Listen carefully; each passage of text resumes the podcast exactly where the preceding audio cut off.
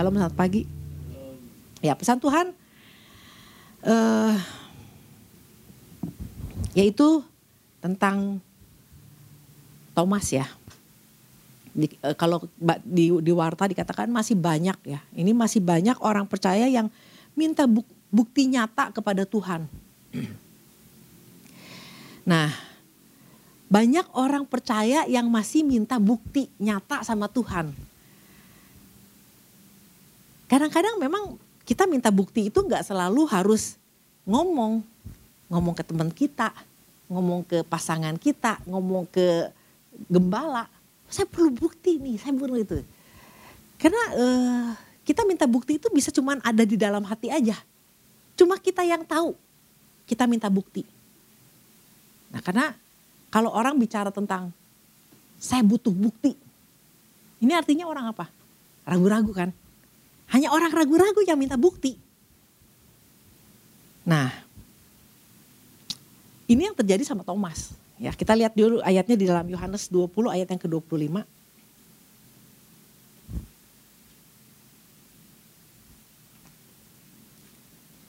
Yohanes 20 ayat yang ke-25.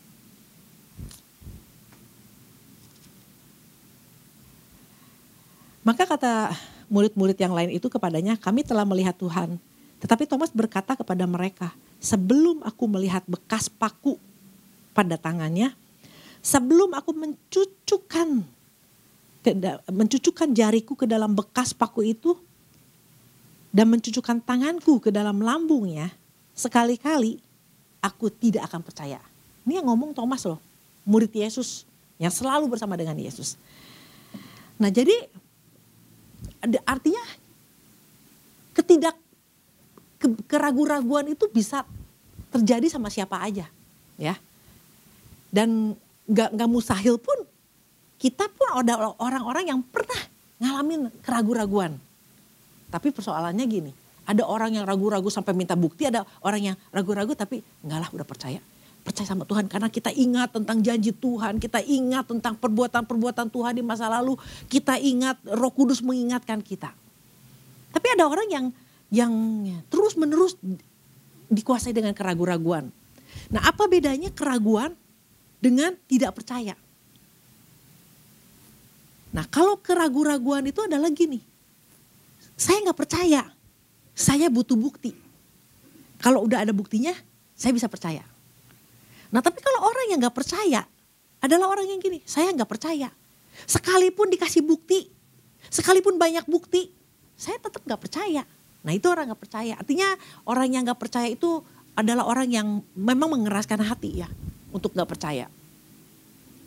Nah jadi inilah yang yang ketika saya renungkan sebenarnya orang minta bukti ini Tuhan lagi ingatkan apa? Tentang keraguan-raguan. Nah karena gini, kadang-kadang kita pikir gini, ragu-ragu kan cuma masalah perasaan. Enggak, ragu-ragu itu bukan cuma sekedar masalah perasaan. Keraguan-raguan itu itu adalah benih yang di, di, ditabur sama iblis. Karena dia paling senang sama orang Kristen ke gereja, tetap pelayanan, tapi di hatinya ada keraguan. Nah bagaimana bisa menjadi, kita diingatkan untuk menjadi uh, kawan sekerjanya Tuhan. Bagaimana bisa menjadi kawan sekerjanya Tuhan kalau ada keraguan di dalam hati kita. Sekecil apa pun keraguan, kita ragu tentang betul gitu bahasa roh, betul gitu ada roh kudus, betul gitu ada karunia.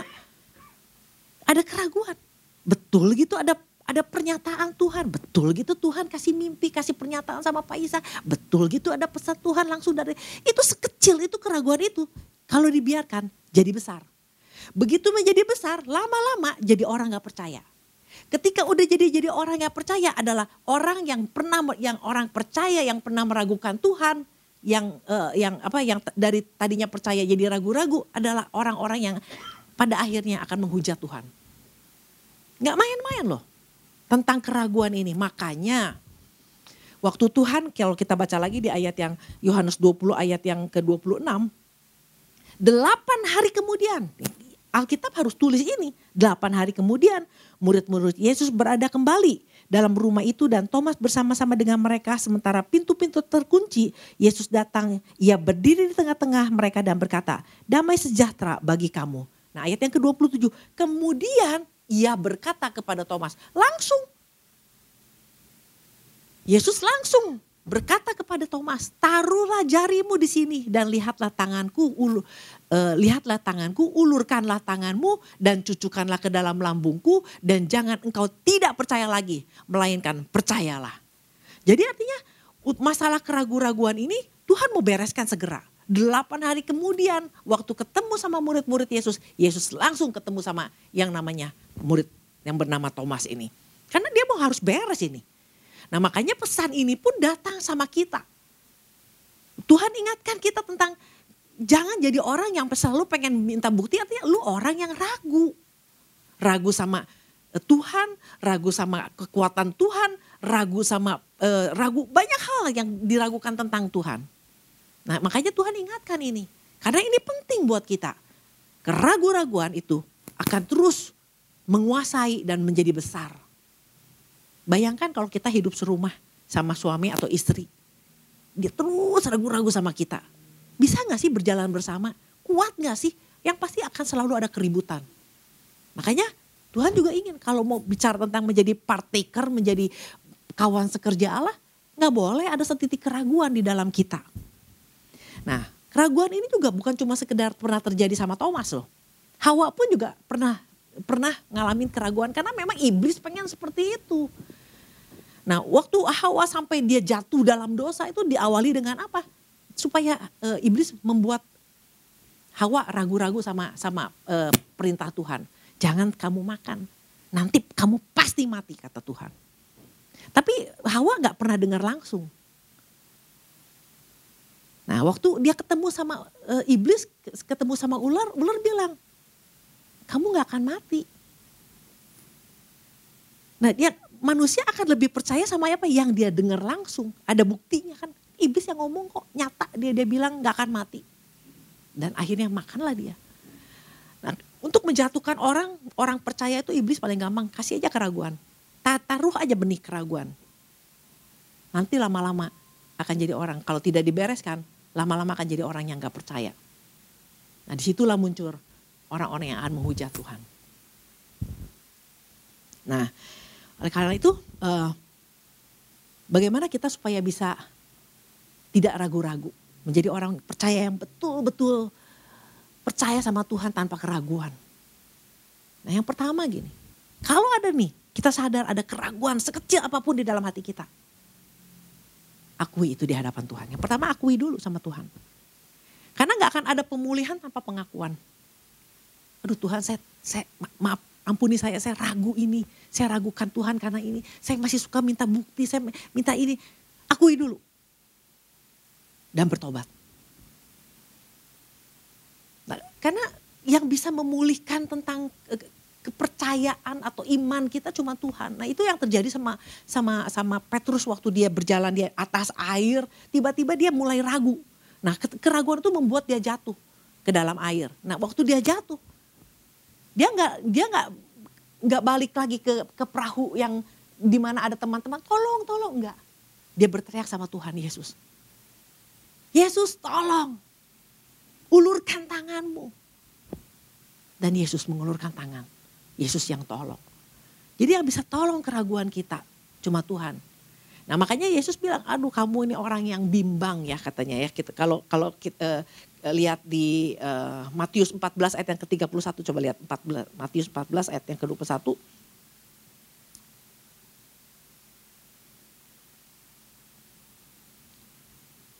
Segera Yesus mengeluarkan tangannya, memegang dia dan berkata, Hai orang yang kurang percaya, mengapa engkau bimbang? Kenapa engkau distaso? Orang yang ragu-ragu. Nah, jadi yang pertama untuk kita, kalau kita tahu nih, ini ada pesan Tuhan tentang uh, keraguan, tentang minta bukti, atau apa pun itulah. Mestinya udah gak seperti itu. Buat orang percaya yang udah ikut Tuhan sekian lama, masih minta bukti, itu gak gitu cara kerjanya. Buat seorang Thomas yang udah ikut Tuhan, udah lihat Tuhan bangkitkan Lazarus dan waktu Yesus bangkit dia masih minta bukti, kayaknya nggak seperti itu. Yang minta bukti itu adalah orang yang nggak percaya harusnya.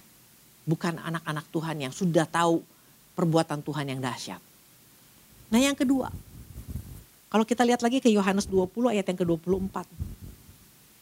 Tetapi Thomas seorang dari kedua belas murid itu yang disebut Didimus tidak ada bersama-sama mereka ketika Yesus datang ke situ. Nah, janganlah jangan kita menjadi orang-orang yang nggak mau lagi berkumpul dengan orang-orang yang orang-orang percaya. Gue mau jalan sendiri, mau jadi lone ranger, bisa ngadepin apa pun sendiri. Disuruh komsel nggak mau, nggak mau terlibat di dalam uh, segala macam uh, urusan yang ber, uh, urusan rohani, mau jalan sendiri. Tuhan kan bilang, jangan kamu menjauhkan diri dari pertemuan-pertemuan ibadah ya. Jangan menjauhkan diri dari pertemuan ibadah atau jangan buat distance, jangan buat jarak ya. Jangan jangan stop untuk bertemu dengan uh, di dalam pertemuan-pertemuan ibadah, pertemuan uh, prayer meeting. Jangan sampai jauh. Karena Tuhan memang ini menciptakan kita sebagai tubuh Kristus. Tubuh Kristus harus bersama-sama selalu. Ada satu momen di mana kita harus bersama dengan Tuhan. Kita adalah keluarganya Allah. Nah di situlah kita bisa saling menguatkan. Kita datang ke prayer meeting, kita dengar khotbah. Kadang-kadang Tuhan bicara lewat khotbah yang menguatkan kita kembali. Pada saat kita ragu kita dengar, ah iya ternyata firman Tuhan bilang begini. Nah ya, memang kalau Tuhan kasih perintah jangan menjauhkan diri dari pertemuan ibadah ini bukannya nggak ada gunanya. Tuhan tahu banget. Apalagi kita hidup di dunia, di, di dalam eh, lingkungan, di kota, di bangsa yang memang punya punya standar sendiri, punya prinsip-prinsip sendiri. Nah, oleh karena itu Tuhan mau kita ada di lingkungannya Tuhan. Kita pernah baca tentang Sadrak, Mesak, Abednego. Anak-anak muda yang dibawa ke Babel, ke pembuangan Babel ini kalau kita baca ini anak-anak muda ini hebat sekali. Ketika orang-orang percaya minta bukti, dia nggak perlu bukti. Mereka cuma bilang, nggak apa-apa Tuhan. Kalau sampai Tuhan nggak tolong pun juga, tetap nggak akan nyembah, nggak akan menyembah dewa. Artinya apa? Dia punya keyakinan kok. Nggak perlu bukti, dia punya keyakinan Tuhan pasti tolong. Nah apa yang menyebabkan mereka tetap kuat di Babel ini? Mereka selalu bersama kita lihat di dalam Daniel. Dua ayat yang ke-17. Daniel dua ayat yang ke-17. Mereka selalu bersama. Kemudian pulanglah Daniel dan memberitahukan hal itu kepada Hanaya. Jadi ini ketika Daniel dikasih tahu tentang ada mimpi, tapi mimpinya e, raja nggak ingat dan suruh Daniel yang menerjemahkan dan sebagainya. Daniel pulang dan dia memberitahukan hal itu kepada Hanaya, Misael, dan Asaria teman-temannya. Ayat yang ke-18 coba dengan maksud supaya mereka memohon kasih sayang kepada Allah semesta alam langit mengenai rahasia itu supaya Daniel dan teman-temannya jangan dilenyapkan bersama-sama orang-orang bijaksana yang lain di Babel. Nah, jadi ketika ngadepin sebuah masalah mereka bersama-sama sama-sama doa, sama-sama saling menguatkan. Kalau ada keraguan juga, mungkin ada keraguan, jangan ragu Nih firman Tuhan bilang gini, udah ada buktinya, udah gini, udah gitu, udah gini. Nah ini. Makanya Tuhan ingatkan. Nah kenapa Thomas sampai sampai e, meragukan? Karena dia waktu murid-murid bersama-sama, dia di mana? Nah ini pentingnya kita untuk selalu ada bersama-sama dengan orang-orang percaya ya. Jangan menjauhkan diri. Makanya waktu kita memang tidak memungkinkan untuk ibadah e, di lokasi, di gereja, kita harus online, ya itu apa boleh buat. Tapi ketika ada kesempatan untuk bisa bersama-sama, memuji, menyembah Tuhan bersama-sama, kenapa kita masih tetap memilih online? Ya, nah itu. Yang ketiga, supaya kita tidak menjadi orang-orang yang dikuasai dengan keraguan dan membuat iblis mempunyai kesempatan untuk um, apa mencobai kita. Yaitu ingat selalu akan karya Tuhan, Apa yang sudah Tuhan pernah perbuat dalam hidup kita itu gak pernah boleh lupa. Gak pernah boleh lupa tentang bahwa Yesus itu telah mati bagi, uh, untuk menebus dosa kita. Makanya kan selalu ada perjamuan kudus untuk mengingatkan kita kasih Kristus. Kalau anaknya aja tuh Allah udah kasih buat kita, masa sih hal-hal yang lain masih kita ragukan? Masa sih hal-hal yang lain masih gak percaya bahwa Tuhan mengasihi kita? Nah, ingat terus, ingatkan diri kita bahwa betapa Tuhan mengasihi kita. Ingatkan tentang perbuatan-perbuatan Tuhan yang pernah Tuhan lakukan buat kita pada saat kita lolos dari kecelakaan, pada saat ini, pada kita saat kita sembuh. Kita ingat apa yang sudah Tuhan lakukan. Nah, ya, yang membuat kita selalu meragu, yang membuat orang bisa ragu sama Tuhan gini. Kita selalu fokus akan apa sih nanti yang Tuhan mau lakukan. Saya ngadepin masalah gini, nanti Tuhan mau buat apa? Mana buktinya? Nah karena kita selalu fokus dengan apa yang belum Tuhan lakukan. Belum kita rasakan, belum kita lihat. Tapi kita nggak pernah ingat bahwa yang dulu-dulu kalau kita sampai hari ini bisa ada. Bisa dalam kondisi seperti ini. Covid bisa bisa bisa ada dua tahun tapi kita masih berdiri sampai hari ini. Ini kan kalau bukan Tuhan.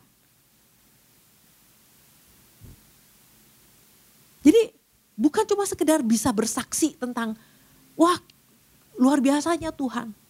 Kadang-kadang orang gini, begitu kalau kita lihat orang lain yang dalam keadaan lagi e, bimbang, kita bisa kasih nasihat. Tapi memang yang paling sulit adalah gini, waktu kita sendiri yang ngalamin. Waktu kita sendiri yang ngalamin sakit gak sembuh-sembuh. Tuhan aku udah melayani sekian lama. Tuhan aku udah begini, aku udah gini. Mana buktinya? Kalau Tuhan sayang, kalau Tuhan jawab doa kenapa saya masih sakit? Nah, yang yang kadang-kadang yang ke, kebimbangan itu datang waktu kita dalam keadaan yang sulit, kita pribadi dalam keadaan sulit. Waktu orang lain kita masih bisa, udahlah percaya aja sama Tuhan karena nggak ngalamin. Begitu kita sendiri yang ngalamin, keraguan itu ada. Jadi keraguan itu muncul di saat kondisi kita lagi turun. Dalam keadaan sulit, keadaan gelap. Nah itu dimanfaatkan iblis untuk apa? Untuk menjatuhkan orang-orang percaya. Nah kalau kita lihat lagi bahwa Daud ya, waktu dia mau lawan Goliat, dia nggak cuma bilang Tuhan buktikan kalau engkau memang Allah yang dahsyat. Kasih tanda nih bahwa si Goliat ini bakalan mati atau gimana lagi saya bisa mengalahkan Goliat. Dia nggak dia nggak mikirin tentang bagaimana Tuhan kasih tanda, kasih bukti tentang Goliat akan kalah. Dia cuma ingat bahwa dulu waktu gua ngelawan singa dan uh, apa beruang, Tuhan kasih kemenangan, Tuhan menyertai. Nah dari situ aja kita harus harusnya selalu ingat bahwa dulu aja bisa lewat kok, dulu aja Tuhan kok yang kasih kemenangan. Masih soal yang hari ini kita meragukan Tuhan. Kayaknya bocengli gitu loh. Gak seharusnya orang-orang percaya yang dulunya pernah ngalamin. Dan Daud selalu ingat bahwa dulu Tuhan pernah berbuat ini. Makanya saya bisa, saya akan mampu lawan Goliat. Nah, ini. Jadi ini yang harus selalu kita tanamkan di dalam pikiran kita. Nah itu gak bisa tertanam secara otomatis begitu aja. Kalau kita nggak pernah baca Alkitab, Berulang-ulang kita baca Alkitab, kita lihat, kita baca tentang orang-orang yang hebat di Alkitab. Kita lihat pertolongan Tuhan, kita lihat bahwa Allah itu gembala yang baik. Nah, bagaimana kita mengalahkan iblis sebenarnya apa? Sebenarnya paling mudah adalah gini, ketika Yesus sendiri ya pernah dibuat ragu sama iblis. Waktu dia dicobai di padang gurun, iblis bilangnya apa? Kalau kamu anak Allah, Betul? Kalau kamu anak Allah. Waktu Yesus lapar, lalu dia bilang kalau kamu anak Allah jadikan dong ini batu jadi jadi roti. Nah, iblis pengen uh, minta bukti, lu anak Allah, kasih tahu dong, jadiin ini batu jadi jadi jadi roti. Nah, itu kan cara kerjanya iblis. Nah, terus iblis, terus Yesus bilang apa? Batu jadilah roti. Enggak kan? Ada tertulis. Ada tertulis. Jadi Yesus berkata ada tertulis ya. Kenapa? Kenapa dia harus membuktikan? Oh dia benar, dia anak Allah. Nah kita juga gitu. Kalau kita memang kita yakin anak Allah, kita dikasih kuasa, kita uh, di, uh, kita adalah uh, kawan sekerjanya Allah, kita adalah anak-anaknya Tuhan Tuhan pelihara bahwa Allah turut bekerja dalam segala hal untuk mendatangkan kebaikan. Nggak ada yang perlu diragukan lagi. Kenapa harus minta bukti? Nah problemnya apa? Kita nggak tahu firman. Kita jarang baca firman. Karena begitu kita nggak baca firman memang keraguan itu bisa muncul. Jadi memang uh, Yesus pernah bilang sama Yosua juga, bat, renungkan, uh, perkatakan dan renungkan firman Tuhan siang dan malam supaya kamu berhasil, supaya kamu beruntung. Nah ini bagian inilah yang kadang-kadang kita sulit untuk ngadepin iblis. Waktu iblis nan nanemin keraguan, kita oh iya benar ya, perlu bukti ya. Kita jadi akhirnya ikut permainannya dia. Kita nggak bisa bilang enggak, Firman Tuhan gak bilang kayak gitu. Firman Tuhan mengatakan ini, ini, ini, ini, ini, ini. Nah tapi mau ngomong firman kan kita gak tahu juga. Karena kita gak pernah baca Alkitab. Nah kita gak tahu nih bahwa ke depan kita akan menghadapi situasi yang seperti apa. Tapi dari awal ini Tuhan udah kasih tahu sama kita bahwa uh, keraguan itu akan muncul. Jangan kita pikir gini, enggak lah, gue udah ikut Tuhan sekian lama, gue orang yang percaya. Tapi kalau kita tidak maintain keyakinan kita, kita nggak terus menerus di dalam Tuhan, iblis sangat mudah untuk masuk menebarkan benih-benih ketidakpercayaan, benih-benih kebimbangan. Nah minggu lalu kita diingatkan tentang rohani yang tidur, ya rohani yang tidur. Jadi orang apa yang menyebabkan rohani orang tidur? Nah orang kita berpikir gini, rohani gua tidur karena uh, apa? Rohani tidur, makanya saya nggak bisa berdoa. Rohani saya tidur, makanya saya nggak bisa menyembah. Rohani tidur, makanya saya nggak bisa baca firman Tuhan. Rohani saya tidur karena yang menyebabkan saya nggak bisa ini, nggak bisa ini. Sebenarnya apa yang membuat rohani kita tidur itu gini. Waktu kita harusnya baca Alkitab, kita nggak baca Alkitab, kita lagi membuat rohani kita tidur. Pada saat kita diharusnya berdoa dan kita tidak berdoa. Dan terus menerus membiarkan tidak berdoa dan tidak baca Alkitab. Lama-lama rohani kita turun. Lama-lama rohani kita tidur. Waktu kita dah harusnya beribadah dan kita tidak beribadah. Lama-lama rohaninya turun. Jadi rohani itu kan selalu di dalam Alkitab, di dalam Roma bicara tentang roh manusia rohani dengan manusia jasmani. Kalau kita sibuk di urusan manusia jasmaninya terus kita sibuk uh, kerja, kita sebut ini, kita sebut ini kita ya. Pas bagian yang mau uh, membangun rohaninya udah terlalu lelah. Lama-lama karena nggak pernah dibangun, nggak pernah diisi, nggak pernah apa, lama-lama tidur. Nah waktu udah tidur, udah kalau tidurnya kelelapan dibangun, eh bangun weh, weh bangun deh, baca Alkitab, baca. Aduh males Nah oleh karena itu jangan sampai ketiduran sampai terlelap dan sampai mati. Tuhan ingatkan lagi. Aduh saya saya terima pesan di 2023 ini yang yang di bulan yang awal ini ya. Itu selalu saya jadi begini. Apa yang akan terjadi? Sampai Tuhan ingatkan kita. Jangan ragu. Jangan selalu minta bukti. Jangan sampai tidur rohanimu. Kita nggak tahu peperangan apa yang akan kita hadapi apa yang akan kita hadapi. Tuhan mau kita tetap dalam kondisi yang roh kita menjadi orang adalah roh yang kuat. Roh yang selalu siap siaga. Kalau kita terus fokus ya di dalam perkara-perkara eh, jasmani, perkara-perkara sekuler, perkara-perkara yang ada di bawah. Lama-lama kita akan membiarkan yang perkara di atas, perkara rohani akan terbengkalai lama-lama dia tidur. Dari yang namanya baca Alkitab tadinya suka walaupun bolong-bolong, sampai akhirnya sama sekali gak bisa baca Alkitab. Nah, iblis akan pakai berbagai cara untuk lihat kesempatan untuk bisa masuk untuk membuat orang ragu. Bayangkan, Yesus aja tetap dibuat untuk ragu tentang siapa dirinya. apalagi kita. Nah oleh karena itu, biarlah pesan ini kita renungkan lebih lagi ya. Kalau Tuhan kasih pesan, itu artinya penting.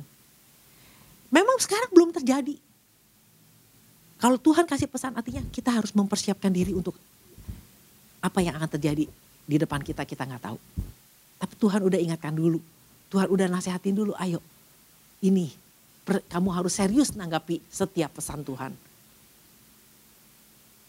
Nah karena itu biarlah kita uh, membangun terus kehidupan rohani kita. Manusia rohani kita, kita harus terus bangun. Selagi masih ada kesempatan, terus terang ya gini. Anak-anak muda yang masih matanya masih masih bagus, pakai kesempatan untuk baca Alkitab. Ini waktu kita udah mata kita udah mulai tua ya. Baca Alkitab aja kadang-kadang cepat lelah. Gak seperti waktu masih muda. Nah oleh karena itu ya itu, kita sama-sama belajar bahwa kita tanggap, tangkapi, e, responi pesan Tuhan ini untuk kita lebih bersungguh-sungguh lagi di dalam Tuhan dan terus membangun rohani kita. Demikian firman Tuhan, Tuhan berkati.